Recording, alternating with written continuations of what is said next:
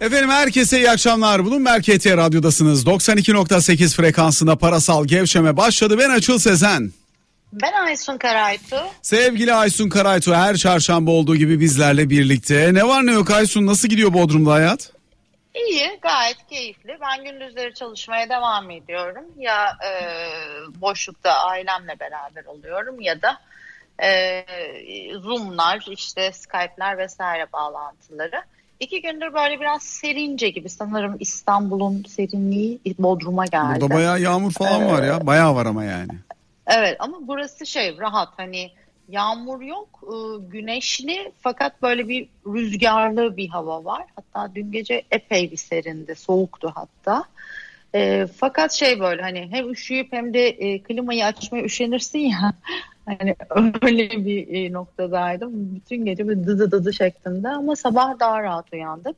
Yarından itibaren tekrar 40 dereceye çıkıyor. Yani e, şeylere çıkıyor 30 derecelerin üstüne çıkıyor. 40 Ee, derece demeyeyim. Burada Değil daha yani. burada daha hala şey var anladığımız kadarıyla işin e, biraz daha vakti var gördüğümüz Var kadarıyla. ama ben o çok sıcakları sevmiyorum zaten. Hayır, burada Yani hafta sonuna tam- kadar hafta sonuna kadar falan kötü burada öyle görünüyor hava. Ha evet. Ee, işte oranın serinliği bir şekilde buraya sirayet ediyor bir noktada. Ya fırtına olarak ya rüzgar olarak ya böyle 3-4 derece e, hava derecesinin düşmesi şeklinde.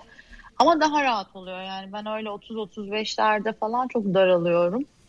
Ee, bu, bu, bu havalar iyi geliyor bana. Aysun dün Efendim? 1 milyon 240 bin kişi önceki gün 840 bin kişi iki günde 2 milyonun üzerinde aşı oldu. Bugün de bu büyük ihtimalle 1 milyonun üzerinde aşılama olacak. Dolayısıyla böyle bakınca hani 3-3,5 milyon kişiyi günde ortalama 800 binden hesaplayacak olursan böyle bir bir buçuk iki ay içerisinde sanki aşı işi çözülmüş olacak gibi görünüyor en azından ilk dozlar için söylüyorum tabii. Evet. e, Ne dün bir de dersin? biliyorsun şöyle bir şey oldu. SSK'lılar ve memurlara da hani saat 1 ile 5 arası randevusuz e, gitme e, vizesi çıktı ve e, zaten burada Bodrum Devlet Hastanesi falan çok e, rezil durumdaymış. Yani kilometrelerce falan kuyruk varmış. Biontech'in gelmesi e, ve de hani arka arkaya e, ilk doz en azından e, insanların e, Biontech olmak istemesi üzerine talep bu kadar arttı tabii ki. Hani Sinovac'a çok e, rağbet olmadığını da gözlemledik. Çünkü e, böyle 55 yaş üstü vesaire de hani sırası gelmiş olmasına rağmen Biontech'i bekleyip e, randevuyu e, yeni e, oluşturmuş durumda. E, tahminimizden çok iyi gitti hakikaten. Hani durduk durduk hakikaten. Senin aşı beklentin de dakika, pek e, yoktu zaten başta. benim hiç yoktu. Yani kısa vadede hiç yoktu. Yani hani globalde bu kadar hızlı bir aşı e, ne deniyor? E, üretimi mevzuunda hani biraz daha karamsardım ben. Ama hala bilmiyoruz yani açıl hani gerçekten tam randımanlı çalışacak mı? Ama çalıştığını Ee, çalıştığı yerleri görüyoruz yani. Mesela nerelerde görüyoruz bunu? İşte aşılama miktarının %70'in üzerine çıkmış olduğu İsrail'de görüyoruz mesela vaka sayısının neredeyse sıfırlandığını falan. İşte Ama şunu da unutma. İsrail gerçekten çok ciddi anlamda kapılarını kapatıp e, çok ciddi önlemler aldı. Yani hala ve hala da vatandaşı olmayanı almıyor. Evet durumda. evet ama mesela şöyle de bakabilirsin. Mesela New York'ta e, işte maske zorunluluğu kısıtlamalar falan kaldırılıyor. Fransa'da Ben sizi, seni hiç duymuyorum şu anda. beni niye duyamıyor acaba? Hala duyamıyor musun şu anda? Şimdi duydun mu? Şimdi duyuyor olmasın. Şimdi duy, şimdi Ha, duyuyorum. arada bir arada bir Evet. sıçrama oldu çünkü böyle bir e, şeyde e, zaman mekan döngüsünde bir tıklama yaşandı gördüğüm kadarıyla. E, mesela Amerika'da New York'ta maske kalktı diyorum. E, işte şeyler zorunluluklar kalkıyor, kısıtlamalar kalkıyor. Yüzde yetmişin üzerinde New York'ta mesela aşılama. Aynı zamanda işte İngiltere'de yeni bir varyanttan falan bahsediliyor ama İngiltere'de örneğin şöyle bir avantaj e, var. İşte aşılanmayanlar e, ancak işte 20 yaş altı civarda falan vakalar e, ancak görülüyor. Onun dışında ki orası nispeten daha AstraZeneca aşısı olan bir yer. E, orada da nispeten iyimserlik var. İşte Fransa'da maske zorunluluğu kalktı, kısıtlamalar tamamen kalkıyor. Yani aşı işe yarıyor e, bulaşıcılık oranını çok ciddi şekilde aşağı çektiğini de görüyoruz. En azından şu an için çok işe yarıyor gibi görünüyor her yerde. Bilmiyorum ben daha hani aşı gerekçesiyle e, bir vaka sayısında azalma değil de e, biraz daha kontrollerin artması ve de e, insanların hani o ölüm sayısı arttıkça biraz daha kendini e, kamufle etmesi neticesinde sanki e, o, o azalmanın geldiğini düşünüyorum. E, aşı oldu diye bir azalma olduğunu düşünmüyorum. Hatta daha dün e, komşumuzla sohbet ederken annesinin aşıdan vefat ettiğini öğrendik. Ya şimdi ona tabii net bir şey söylemek çok doğru değil. Bunun üzerine işte, e, bu bundan oldu demek de çok doğru değil. Ee, evet, komplikasyon ama... komplikasyon e, gösterenler olabiliyor mu? Belki vücutta alerjik fonksiyonu olan varsa e, onlarda böyle problemlerle karşılaşıldığını görüyoruz ama aşıdan değil yani o alerjisi olduğundan. Alerji olduğunu bilerek işte bak... yapılsa aşı o problem olmayacak yani. Yani söylenen alerji vesaire olmadığı yönünde tabii ki sonuçta kendi anneleri olduğu için çok ciddi bir araştırma yoluna da gitmişler. Yani 13 gün içerisinde aşı olduktan 13 gün içerisinde hiçbir hastalığı yokmuş, hiçbir kronik problemi yokmuş vesaire e, doktor yani işte hani, münferit e, münferit olay üzerine konuşmak doğru değil. Yani dünyada doğru değil. Ha, doğru hani, değil. Evet, tabii yani ki, dü, dünyada tabii. Yani çünkü hani, şu ana kadar bir Biontech tabii doğru. dünyada Biontech aşısı e, yüz milyonlarca insan üzerinde yapıldı. Sinovac aşısı da Çin'de şu an itibariyle çok kuvvetli yapılıyor. Türkiye'de de yapıldı milyonlarca. Hani bunların geliştirdiği bir reaksiyon vesaire falan varsa o etkili olabilir bilemem ama yani ben sağlıkçı değilim bilgim de yetmez ama münferit bir olaya bakıp şu da şundan öldü bu da bundan öldü dediğimizde yanıltıcı olabilir. Onun için hani burada bilimin dediğine inanmak genellemeye bakmak bence daha doğru o da bize aşının dünyada işe yaradığını gösteriyor açıkçası. İçeride evet, de yani içeride ben, de ben daha ziyade e, yan etkilerinden ya da insan üzerinde oluşabilecek durumlar dan dolayı hani soru işaretlerim var. Bunu da herhalde 3-5 sene sonra falan görürüz. Yani ben fazla hani şeyim bu konuda hassas e, düşünüyorum. Bu belki de aşı kartı vesaire vesaire gibi zorunluluklar olmasaydı belki olmamayı bile düşünüyordum. Yani hani ilk başlarda durum böyleydi ama kaçamayacağımız bir şey olduğunu fark edince hiç tereddütsüz tabii ki de olduk yapacak bir şey yok yani. Peki şimdi Aysu 0212 255 59 20 canlı yayın telefon numaramız WhatsApp üzerinden bizlere 0536 266 81 81'den ulaşabilirsiniz. Ayrıca Bloomberg KT Radyo Twitter Live ve YouTube hesapları üzerinden yaptığımız canlı yayınları da izleme şansına sahipsiniz. Şimdi Evet. Aysun bir dolar TL soracağım sana. Ee, Biden hı hı. Erdoğan görüşmesinden piyasa bir şey umuyormuştuk ki 8.30 görmüşüz. O beklenti gerçekleşmemiş ki 8.55'e 8.60'a yeniden gitmişiz. Neydi o beklenen? Ya şimdi e, yani o beklenti niye vardı? Ben de hani onu e, anlayamadım açıkçası. Yani neye istinaden bir beklenti içerisindeydik? Çünkü verilen mesajlar çok böyle beklenti doğuracak şekilde değildi son 5 e, aylık sürece baktığımızda. Bu bağlamda o iyimserliğin hani e, sadece birlikte resim vermek ve hani zirve toplantısında e, biraz daha sempatik ortam yaratılması mıydı hani 8.30'lara e, çeken dolar TL'yi? Orası tartışılır ama uzun vadede çok fazla e, herhangi bir konuda mutabık kalmak mevzuunda bir şey çıkmadığını hepimiz farkındayız. Bu sebeple de tekrardan kaldığı yerden dolar TL devamını sürdürüyor. Yani 8.46 önemliydi. 8.46'nın altında kalıcı olsaydı hakikaten o zaman 8.05-8.07'lere doğru bir hareketin devamı söz konusu olurdu. Ama kalıcı olmadığını tekrar 8.46-8.80 bandına döndüğünü rahatlıkla söyleyebilirim. Hani e, bundan sonraki süreçte bizim bil, şu anda bilmediğimiz ama yeni bir şey çıkarsa bunun da tekrar fiyatlaması yapılır illaki. Ama yani hani e, bunu daha önce de geçtiğimiz haftaki yayında da konuştuk seninle. Herhangi bir beklenti içerisinde değildik. Hani yeni bir şey olmayacağı yönünde en azından. Herhangi bir anlaşmaya varılma ya da yeni bir projeksiyon üzerine mutabık kalma konusunda herhangi bir beklentimiz yoktu. Nitekim de şu an e, yokmuş gibi de görünüyor.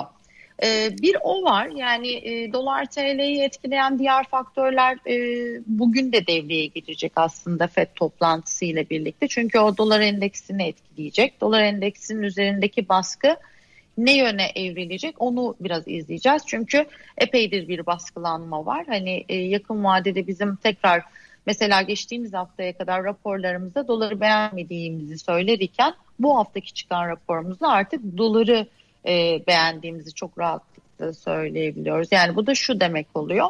Eğer ki euro dolar paritesinde bir pozisyon alınacaksa dolar tarafında alınması gerektiği yönünde e, raporumuz var. E, hani diğer ne, Fed'i mi konuşuruz bilmiyorum ama hani sırasıyla konuşacak olursak şu anda orta kısa vadede e, TL'yi destekleyecek çok fazla katalizör yokmuş gibi duruyor. Peki. Sadece e, mevsimsellik hani her yer açıldığında Rusya'dan e, yasaklar kalktığında e, hava yolları bir tık daha hani e, randımanlı çalışmaya başladığında e, kapılar e, açıldığında gibi durumlar mevzu bahis olduğunda tabii ki Temmuz-Ağustos ayı mutlaka TL'yi besleyecektir. Şimdi sen 8.30'lara geldiğinde ne düşündün mesela almak lazım falan diye düşündün mü e, acaba? Ee, ben hani kurun yukarı gitmesini daha, beklediğin için soruyorum. Ben somut e, somut olarak hani oradan bir şey çıkmadığı sürece zaten elimdeki pozisyonu kapatmamak tarafında durduğum için hani yeni pozisyon almak konusunda da aceleci olmazdım. Çünkü hani bunun devamında bir de Temmuz Ağustos beklentim dolar TL'de TL yönünde pozitif olduğundan ben e, Temmuz Ağustos'u görmeden şu an dolar almak istemem. Temmuz Ağustos'u görmeden dolar almak Hı. istemezsin. Elinde varsa tutmaya devam eder misin? Evet, evet. Kaçtan satmak üzere? Şöyle yani hesaplamalara baktığımızda şimdi delta falan diyeceğim sen onu boş geç diyeceksin ama bunların hepsi bir hesaplama sonucu elimizdeki bir rakam. Yani 8.80-9.30 e, aralığında bir yer görür ise şayet ki şu anda mevcutta e, grafikte e, Ekim ayı içerisinde yani önümüzdeki 6 ay içerisinde orada bir hareketlenme olduğunu ve 8.89-30 aralığında bir noktada dengelenme ihtimalinin olduğunu gösteriyor bize. Ee, şimdi peki birazcık borsa da sormak istiyorum sana. Borsa İstanbul'u beğeniyor musun? Borsa İstanbul'u e, şimdi şu var Çin konusunda biliyorsun özellikle artan emtia fiyatları ile birlikte gelişmekte olan ülke piyasaları içerisinde bir miktar e, yerini satışa bırakan bir Asya var. Yani Asya'dan bir miktar uzaklaşmaya başlıyor artık fonlar. Son dönemde bir Kospi'ye girmişti, Kore tarafına girmişti. Bu teknolojinin ve altyapının orada çok iyi olmasından mütevellit yavaş yavaş oradaki fonların da azaltığını, azaltıldığını gözlemliyoruz. Çin'e göre daha iyi ama bundan 6 ay öncesine göre e, Kospi de bir miktar yavaş yavaş e, sıkıntı yaratmaya başlayacakmış gibi görünüyor. Nereye geleceğim? Eğer ki gerçekten bir e, oradan bir fon çıkışı ve diğer gelişmekte olan ülkeler özellikle çok çok çok çok hani böyle e, fiyat e, kazanç e, değerlemeler vesaire noktasında ucuz kalmış ülkelerin belli bir takım sektörlerine ki bizde hep söylüyorum bankacılık sektörü hali hazırda hala çok ucuz ki e, yabancı katılımcı sayısına baktığımızda 3 bankaya olan yabancı katılımcı sayısı yüzde 48'lerden son 2 hafta içerisinde yüzde 54'lere çıkmış durumda ama yüzde 74'lerden gelmiş durumda buralara da onu da söylemekte fayda var. Yani yüzde 74'lerden yüzde 40'lara kadar düşmüş. Şimdi tekrar kademeli olarak işte Garanti, Akbank, TSKB gibi bankaları TSKB'yi bir kenara koyalım. Çünkü TSKB'nin yabancı katılımcı sayısı henüz %14'e çıkmış. Ama yukarı doğru bir e, inme var. E, Akbank ve Garanti'de daha hızlı ve daha keskin hareketler olduğunu gözlemliyoruz. Bu da bize şunu gösteriyor. Eğer bir giriş olacak ise buralara gireceği aşikar. Ben burada bir risk alırdım. Ben buradan bir alım yapardım. Yani bunu zaten 2-3 haftadır söylüyorum galiba. Yani hani endeks yüksek yani rakam olarak yüksek ama şirketler tarafına baktığımızda tek tek çok ucuz. Ya ucuz ama ucuz kalmaya devam da edebilir. Edebilir. Ee, biraz hani bu Böyle biraz durumlarda eğer ki- ucuz kalmaya devam edebilir diyorsak alternatif maliyetle birlikte bakmak lazım. Alternatif maliyetinde ayda yüzde bir buçuk civarında bir mevduat faizi. Şimdi e, orası hala avantajını sürdürdüğü için bir stopaj avantajını sürdürüyor. Bir de yüksek faiz ortamı avantajını sürdürüyor. E, bu sebeple de aslında bakarsan yerlinin de katılımının bir miktar azaldığını söylemekte fayda var. Yani yaklaşık olarak son bir yıldır. Ama e, Ekim ayı içerisinde e, eğer bir faiz yani ben 3. çeyrek itibariyle artık yavaş yavaş faiz indirimi tarafında konumlanma ihtimali olan bir merkez bankası gördüğüm için orada e, faizlerin indiği noktada bankaların maliyetini azaltıcı bir etki yaratacağından e, ve ucuz kaldığından ve faiz tarafındaki e, o nemanın bir miktar azalmasından dolayı oraya kayma söz konusu olabilir yerli katılımcı açısından. Hani ben sene sonuna kadar orada bir miktar e, şey görüyorum. Hmm, alım yönünde bir hareketlenme izliyoruz. Ama bu şu demek değil. Yani hani bizi tekrardan e, yüzde elli yüzde altmış bazında bir yükseliş karşılayacak değil. Biraz daha frekansı düşük kademeli alımlar söz konusu olabilir. Peki Çok iştah görmüyorum. Yani ben şu anda tüm dünyada çok iştah görmüyorum. Özellikle bugün tabii ki Fed önemli olacak ama yavaş yavaş aslına bakarsan e, el değiştirme zamanı geliyor. Hem sektörel bazda hem borsalar bazında, e, ülkeler bazında e, son bir buçuk yıldır giden grafik kendini artık bir miktar e, aşağı yönlü demiyorum ama doymamış yerlere daha bakir yerlere atacakmış gibi duruyor. Şimdi Ferit sormuş havacılık için yorumu nedir? Türk Hava Yolları, TAV işin içine belki biraz Pegasus falan da katarak e, derinleştirebiliriz. Çelebi'yi de koyabiliriz. Mesela tek tek hisse üzerinden konuşmuyoruz ama hayat normalleşecekse, seyahatler normalleşecekse işte bugün Rusya'dan gelen açıklamalar var bir gözden geçirmemiz olacak birkaç hafta içerisinde diye e, onu zaten Temmuz başı gibi bekliyorduk. Eğer bunlar hareketlenecekse o zaman ne dersin? Olumlu bakmak.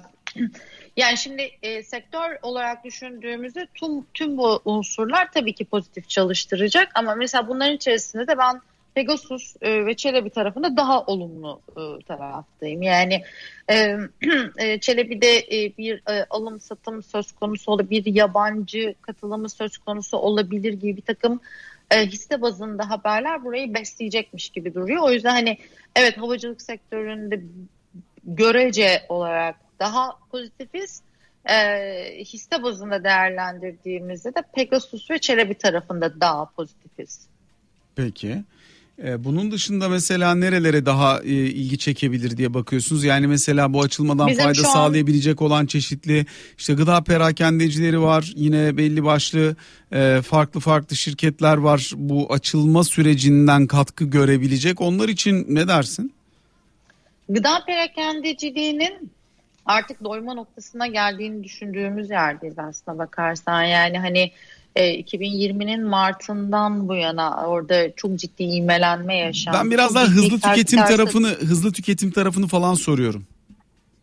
çok daha kar satışı yaşandı. Evet hızlı tüketim tarafı biliyorsun yani hani bu tedarik mevzu vesaire vesaire gibi sıkıntılar kalktığında aslında biraz ivme kazanacak ama şu an sadece dünyada değil Türkiye'de de çok ciddi anlamda tedarik problemi, e, tedarik zinciri problemi söz konusu var. Orada çip e, olayının e, artık hani yeni bir noktaya taşınması lazım. Yeni tesislerle, yeni teknolojilerle desteklenmesi lazım ki orada hani bir miktar daha hızlı tüketim tarafındaki talebin artışı ve o iğmenin e, tekrardan yukarı e, şahlanabilmesi için ben o tarafta gördüğünüz üzere çok pozitif değilim. Yani biraz daha bekleme tarafında kalırdım. Benim bizim şu anda tek e, pozitif baktığımız yer bankacılık. E, son Peki. 6 ay için. Peki bir dinleyicimiz var hattımızda 0212 255 59 20 numaralı telefondayız. Kim? Boğaç Bey buyurun. Merhaba Açıl Bey, Ayşe Hanım merhabalar. Merhabalar buyurun. Merhabalar Boğaç Bey. Ee, ben Ekim ayına kadar e, BIST 100 endeksi 1 doları görür mü? Bir doları görür mü? Ee, yani ne dersin Aysun? Ee, sanmıyorum. Yani Hayır. görmesi için bir gerekçe var mı? Ya öyle bir katalizör dediğimiz itici güç e, görmüyoruz yani hani şu anda. Ay 1 dolar zaten şu anda yaklaşık 1.40'lar civarında olduğu için. Neden neden hani, öyle kötümserlik var Boğaç Bey'de? Boğaç Bey neden böyle kötümser bir bakışınız var? 1 dolar olması yani, gerektirecek kötü, ne görüyorsunuz?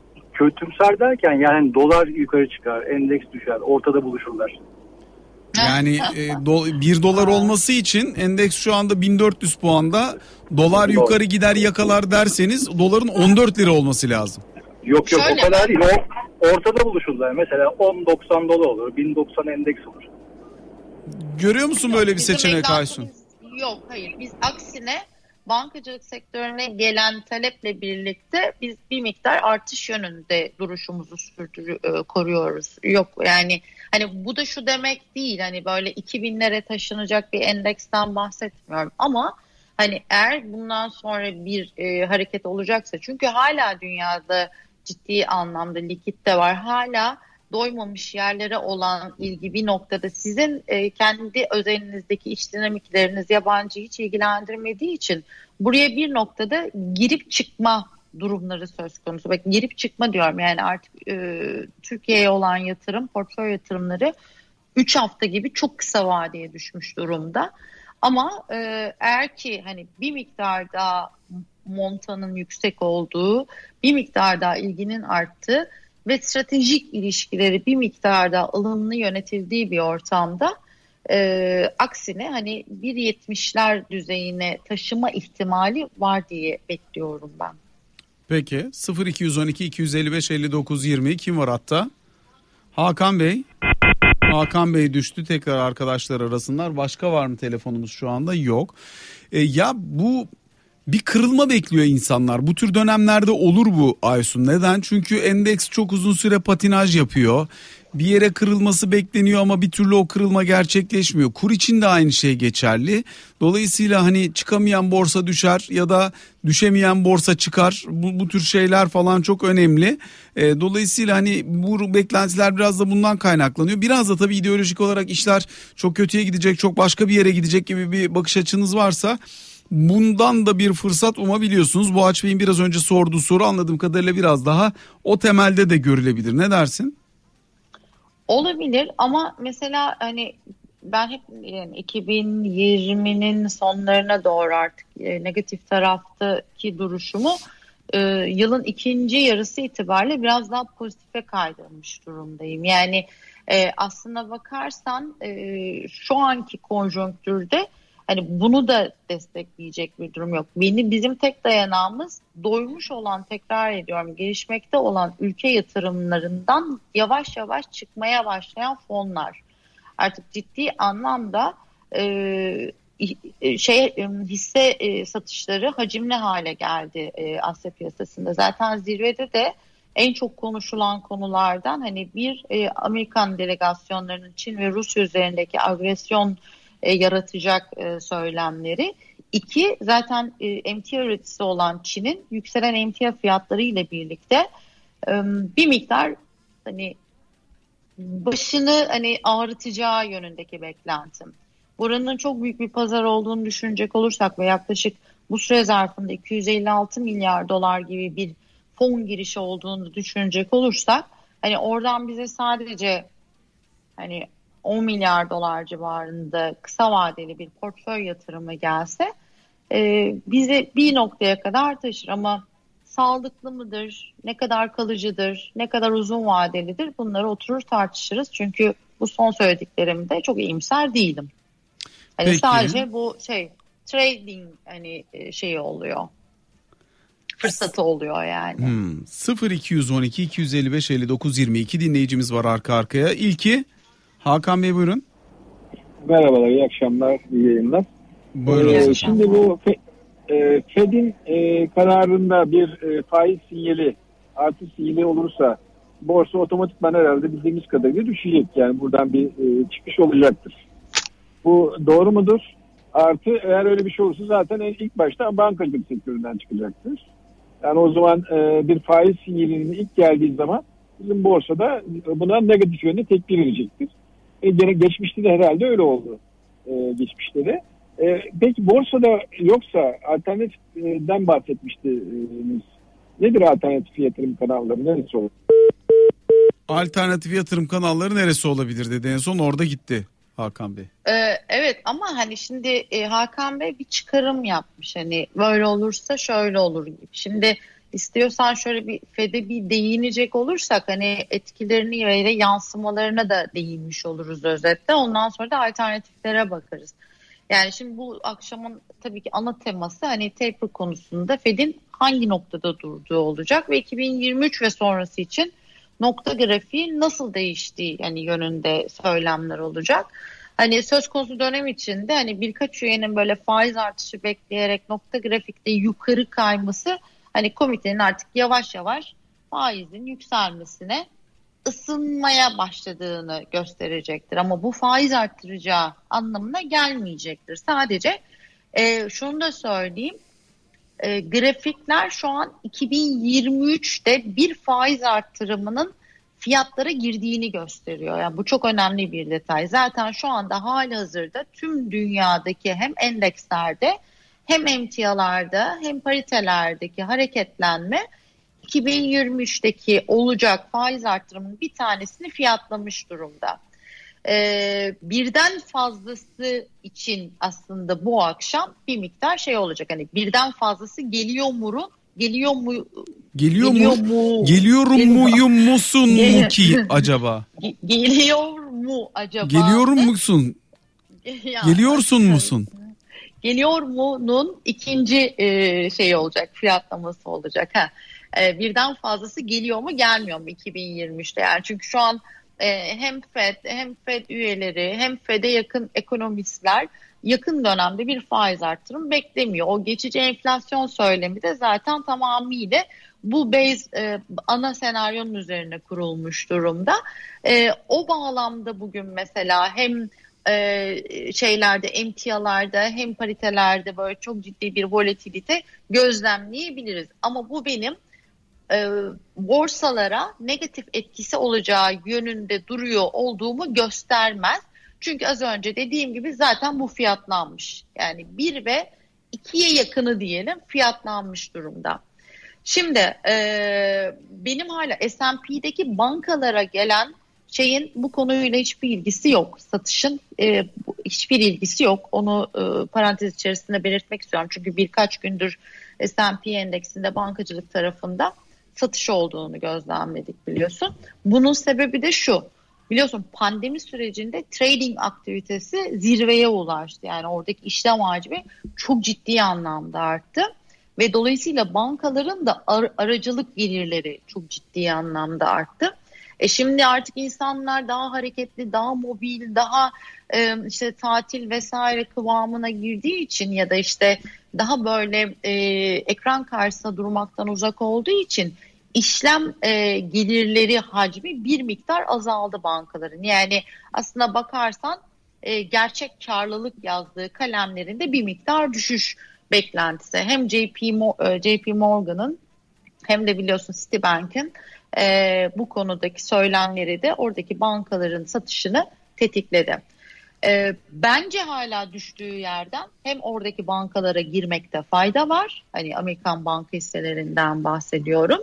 Hem de ben tekrar teknoloji tarafına dönüleceği yönünde e, sinyaller alıyorum. Çünkü Nasdaq gerçekten inanılmaz son 3 aydır soluksuz satışıyor. E, pariteler tarafında alternatif arıyorsa euro dolar paritesinde dolar tarafındaki durduruş, duruşumuzu sürdürüyoruz dedim. Emtialar tarafında ise lityum tarafında e, bir pozisyonlanma ya da lityum tedarikçili hisseler tarafında pozisyonlanma Albemarle, Livent gibi e, ya da gene elektrikli araçlar tarafının ben e, iğmeleneceğini düşündüğüm için oradaki düşüncemi biliyorsunuz zaten. Enerji tarafını hiç konuşmuyorum. Orada artık her yayında aynı şeyi söylüyorum. Bu da işte gümüş, e, platinyum vesaireyi beslemeye devam edecektir. 28-20'yi kırdığı an itibariyle biraz daha hızlı hareket etmeye başlayacaktır gümüş. Altın tarafında bir miktar e, yavaş e, bebek adımları olduğunu gözlemliyoruz. Ee, ama orada da artık o yavaş adımların bitmeye yakın olduğunu söyleyebiliriz. Çünkü Fibonacci %23 gerilemede artık dibe yaklaşıldığını gösteriyor. Yani 1825'ler daha doğrusu tam olarak 1825'ler alım için fırsat verecekmiş gibi duruyor ons bazında. Peki iki dinleyicimiz var hatta. İlki kim? Bahadır Bey buyurunuz. İyi akşamlar Açıl Bey, iyi akşamlar Aysun Hanım. İyi akşamlar teşekkürler İyi akşamlar buyurun. Bahadır Bey. Aysun Hanım biraz önce bir girizgah yaptı bu emtialarla alakalı ama uzun zamandır e, yukarı yönlü bir ivmelenme var emtialarda.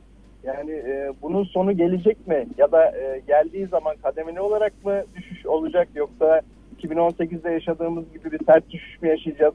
Bununla ilgili fikrini almak istiyordum. Teşekkür Peki son ediyorum. birkaç gündür zaten emtia fiyatlarında bir geri çekilme var. Özellikle Çin'in kendi stratejik rezervlerini bakırdı, alüminyumlu buralarda piyasaya sürmesinden mütevellit. Aynı zamanda benzer şekilde işte daha önce şu anda mesela mobilyacılar MDF bulamıyor, kereste bulamıyor. Kereste fiyatlarında bir 7-8 gündür düşüş var.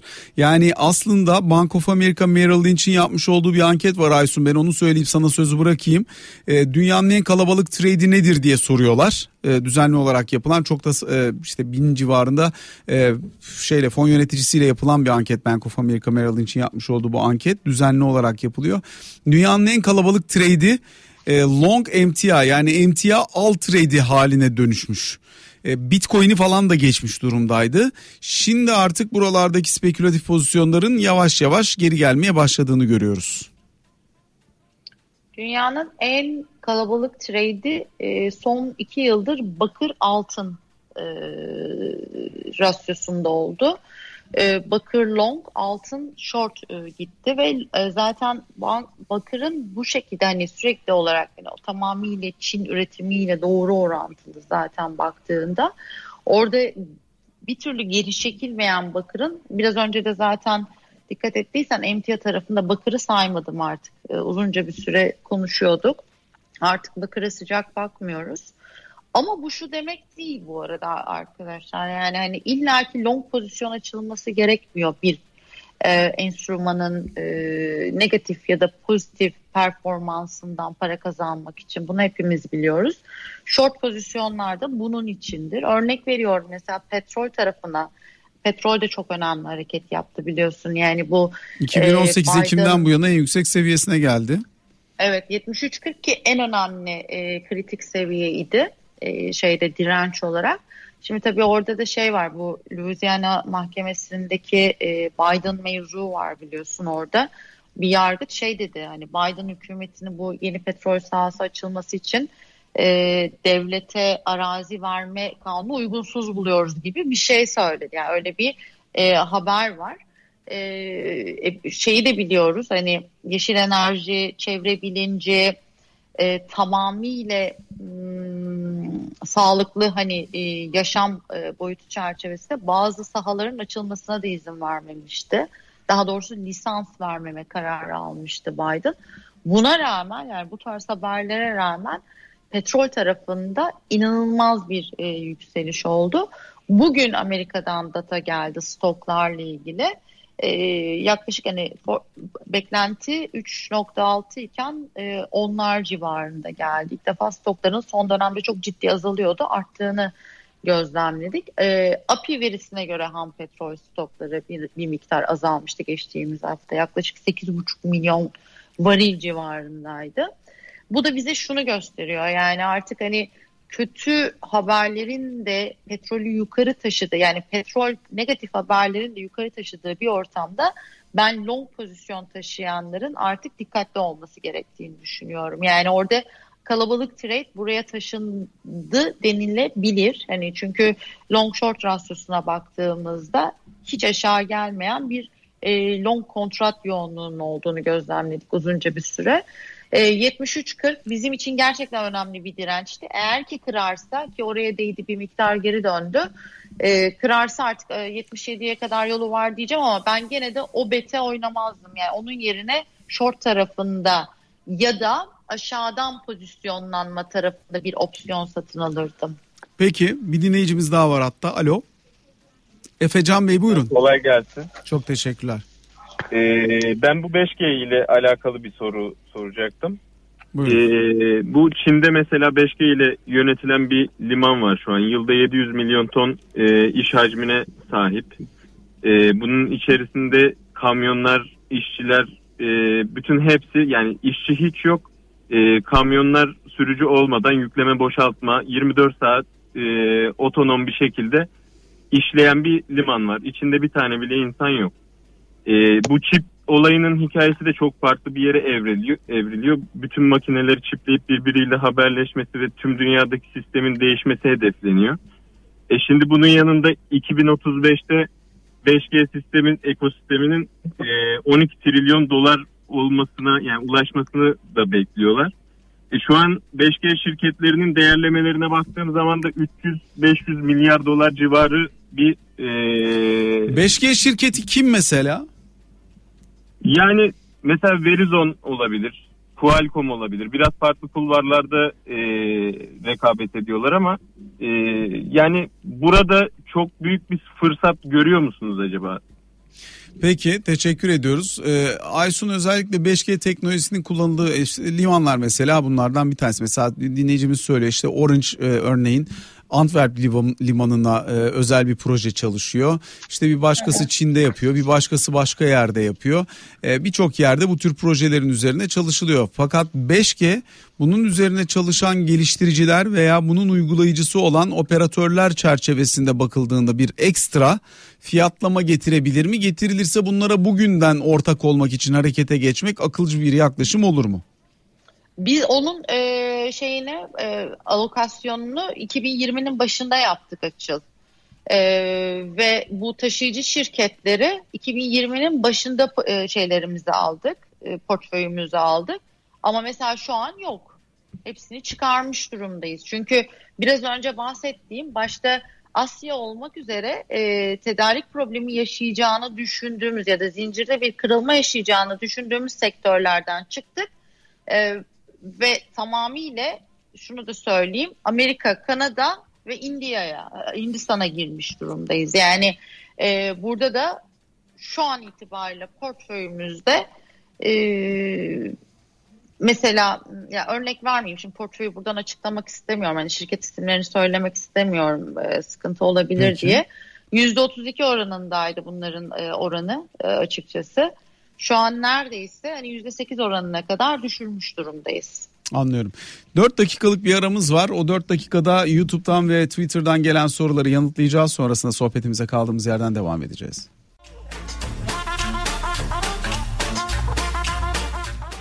Efendim tekrar sizlerle birlikteyiz. Bloomberg KT Radyo'da 92.8 frekansında parasal gevşeme sürüyor. Ben Açıl Sezen. Ben Aysun Karaytu. Ve hattımızdaki dinleyicimiz kim? Muhsin Bey hoş geldiniz. Selamlar Açıl Bey. Merhabalar. Aysun buyurun. Hanım'a da selamlar. Aysun Hanım şöyle Merhabalar. bir 45 gün önce bir bazı grup hisseleri önermişti de çok güzel Aysun Hanım hisse, e, hisse söylemesi böyle fırsat hisseleri. İlk defa Aysun Hanım sayesinde Amerika'dan bir hisse aldım. Aysun Hanım hissenin adı OTLK'ydı. Hissede yaptığı şey de ilaç da benim sektörümle alakalı. Ben de sağlıkçıyım. Sizden etkilendim o hisseyi aldım ben. Uzun vadeli olarak aldım ben bu hisseyi. Ee, siz de aldınız mı? Yoksa e, Memnun kaldınız mı aldığınızdan bu yana performansından? Evet evet evet evet. 2.2'yi de ben aldımdı. Şu anda 2.6. Güzel bir yükseliş yaptı. Peki. Şöyle evet. ben zaten bizim portföyümüzde olanları söylemiştim size. Ee, daha doğrusu en çok beğendiğimiz sektörel bazda her sektörden iki şirket söylemiştim. Ee, sağlık tarafında da e, iki tanesinden biri buydu. Evet biz hala tutuyoruz. Biz çünkü çok sık portföy yapısını değiştiren bir kurum değiliz. E, ve beklentimiz de orada daha başlamadı bile onu da söyleyeyim. Daha çok uzun yolu var onun. Pes etmezseniz, sabrederseniz hani e, çok daha verim kazanabileceğiniz bir şirket o. Tamam. Teşekkürler. Görüşmek Rica dileğiyle efendim. Hoşçakalın. Putin-Biden görüşmesi bitti. Cenevre'de görüştüler. Putin'le Biden'ın görüşmesi önemli çünkü hakikaten e, ortalık biraz toz duman ve Batı ittifakıyla Sovyetler Birliği döneminden bu yana Rusya arasındaki ilişkilerin en gergin olduğu dönem.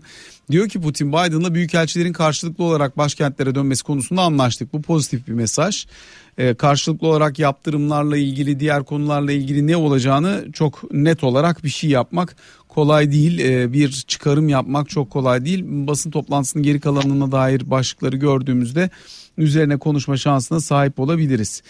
Diyor ki takipçimiz bazen size çok üzülüyorum reklam arasında iki nefes alsanız bir kahve içseniz azıcık dizlenseniz ama yani reklam arası soru bombardımanı devam ediyor.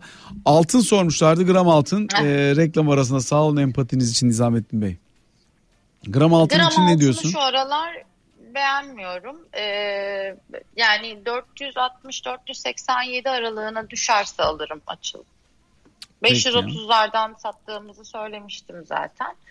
Ee, yani ne dolar TL'de böyle çok hızlı bir yükseliş yani yakın vadeden bahsediyorum bu arada. Ee, ne de onsun ons altında böyle çok hızlı bir yükseliş beklemediğimiz için orası böyle biraz rölanti gidecekmiş gibi duruyor. Eğer fikrimi değiştirirsem e, senin kanalınla bir şekilde e, fikrimizin değiştiğinde beyan ederim. Şimdi e, yine Dicle Hanım TL'de kalanlar için bir önerisi var mı Aysun Hanım diye sormuş. Valla bence en e, iyi şey alternatif mevduat TL'de kalan için hala. Ben olsam bir yıllık stopajsız bağlarım. Bağlarım diyorsun paranın ne kadarını ama? Yani, yani kullanmayacağım kısmı bağlarım. Hiçbirini kullanmayacaksa hani eğer ki böyle bir şey hmm, piyasa aşinalığı varsa kendi yönetiyorsa vesaire fırsatları değerlendirmek için bir kenarda tuttuğu kısmı tutar. Geri kalanını hani çünkü stopaj avantajı kalkacak, faizler inecek vesaire bir noktada hani para politikaları değişecek gibi duruyor yani bilmiyorum en azından şu an öyle duruyor. O yüzden ben uzun vadeli mevduatçıyım bu aralar. Seviyorum yani. Bilal Aktaş ons gümüş 40 dolar ne zaman olur diye sormuş. TL'deysem şayet. Duydun mu soruyu? Aysun. Biz reklamda mıyız? Hayır değiliz yayına başladık çok oldu. Hala? Yok çok oldu. Yayına başlayalı yaklaşık 4-5 Aysun beni duyuyor musun? Allah'ım ya Rabbim. Aysun gene beni duyamamaya yayın başladı. Yayın dondu galiba. Evet yayın dondu. Haklısın. Biz seni duyuyoruz sen bizi duyamıyorsun ama. Bir dakika ben seni tekrar arayayım şimdi sevgili Aysun. Kapattım. Bak ya böyle takılıyor takılıyor ondan sonra da karşıma görüşmeyi değerlendir diye şey çıkartıyor gene. 5 yıldız vermemi bekleyerek. Şaka gibi ya Skype. Bastım ama Aysun alabilecek mi acaba şu anda şeyi yayını? Duyuyor mu ki? Çalıyor şu anda Aysun bizi duymuyor. Çalıyor Aysun bizi duymuyor. Bu arada Putin'in biraz önceki açıklamalarının sonrasında Rus rublesi gün içerisindeki en yüksek seviyeyi gördü.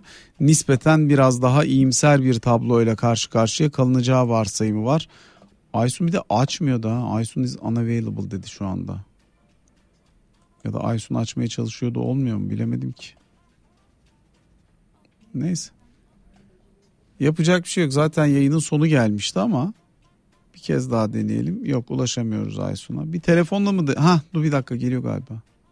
Aysun. Buradayım da e, telefonda da değilim ama e, sizi göremiyorum. Biz de seni göremiyoruz Görüyor zaten. Musun? Ha şimdi geldin. Gördüm tamam tamam. Biz demin seni görem Şimdi... biz, biz demin sesini duyabiliyorduk seni göremiyorduk. Şimdi görüyoruz sesini de duyuyoruz. Biraz minnaksın. Tamam. Şimdi büyüttüm seni de tamam anlaştık. Okey. Tamam. Gümüş ons ne zaman 40 dolar olur diye sormuşlardı. Ah gümüş yatırımcıları sabrederlerse 40 dolar demiyorum ama 34 dolar beklentimiz var. Ama ne kadar an, vadede ama? Ya işte o çok hani e, bunu söylemek çok yanlış geliyor bana. Yani e, bu teşvikler hala Cumhuriyetçiler tarafından kabul edilmedi. Artı e, hakikaten Biden'ın şu an e, yapmış olduğu ya da almış olduğu kararlar bekleme sürecinde ama bunlar bir noktada hayata geçecek, uygulanmaya başlayacak, talep artacak, arz azalacak vesaire vesaire gibi etkiler e, Basel 3 ile birlikte e, hem merkez bankaları hem bankalar rezervlerinde fiziki gümüş ve altın bulundurmak durumunda kalacaklar. Bunların bence hepsi peş peşe olacak ve olacaksa da o yükseliş çok hızlı olacak. O yüzden yani bence pes etmeden beklesinler. Yani çünkü gerçekten e, çok görüyorum hani çok bıktırdı bizi bir hareket olmuyor vesaire gibi. Evet ama Gene gün içerisinde çok hızlı hareketler yapıyor o ayrı. Ama o hani beklenti 35-40 aralığı biraz zamana ihtiyacı var. Yani sonuçta uzun vadeli yatırım artık gümüş. Eskisi gibi az hacimli bir emtia e, değil. Yani artık fiziki de taşınan, kontrat olarak da taşınan her türlü talebin arttığı bir varlık haline geldi. Sevgili Aysun sana çok çok teşekkür ediyoruz bu akşamı bizlerle geçirdiğin için. Ben teşekkür ederim. Herkese sevgilerimi iletiyorum. İyi akşamlar diliyorum.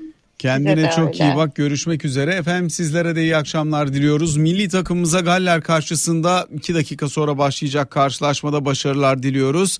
Yarın akşam sevgili Abdurrahman Yıldırım'la birlikte karşınızda olacağız. Kendinize iyi bakın hoşçakalın.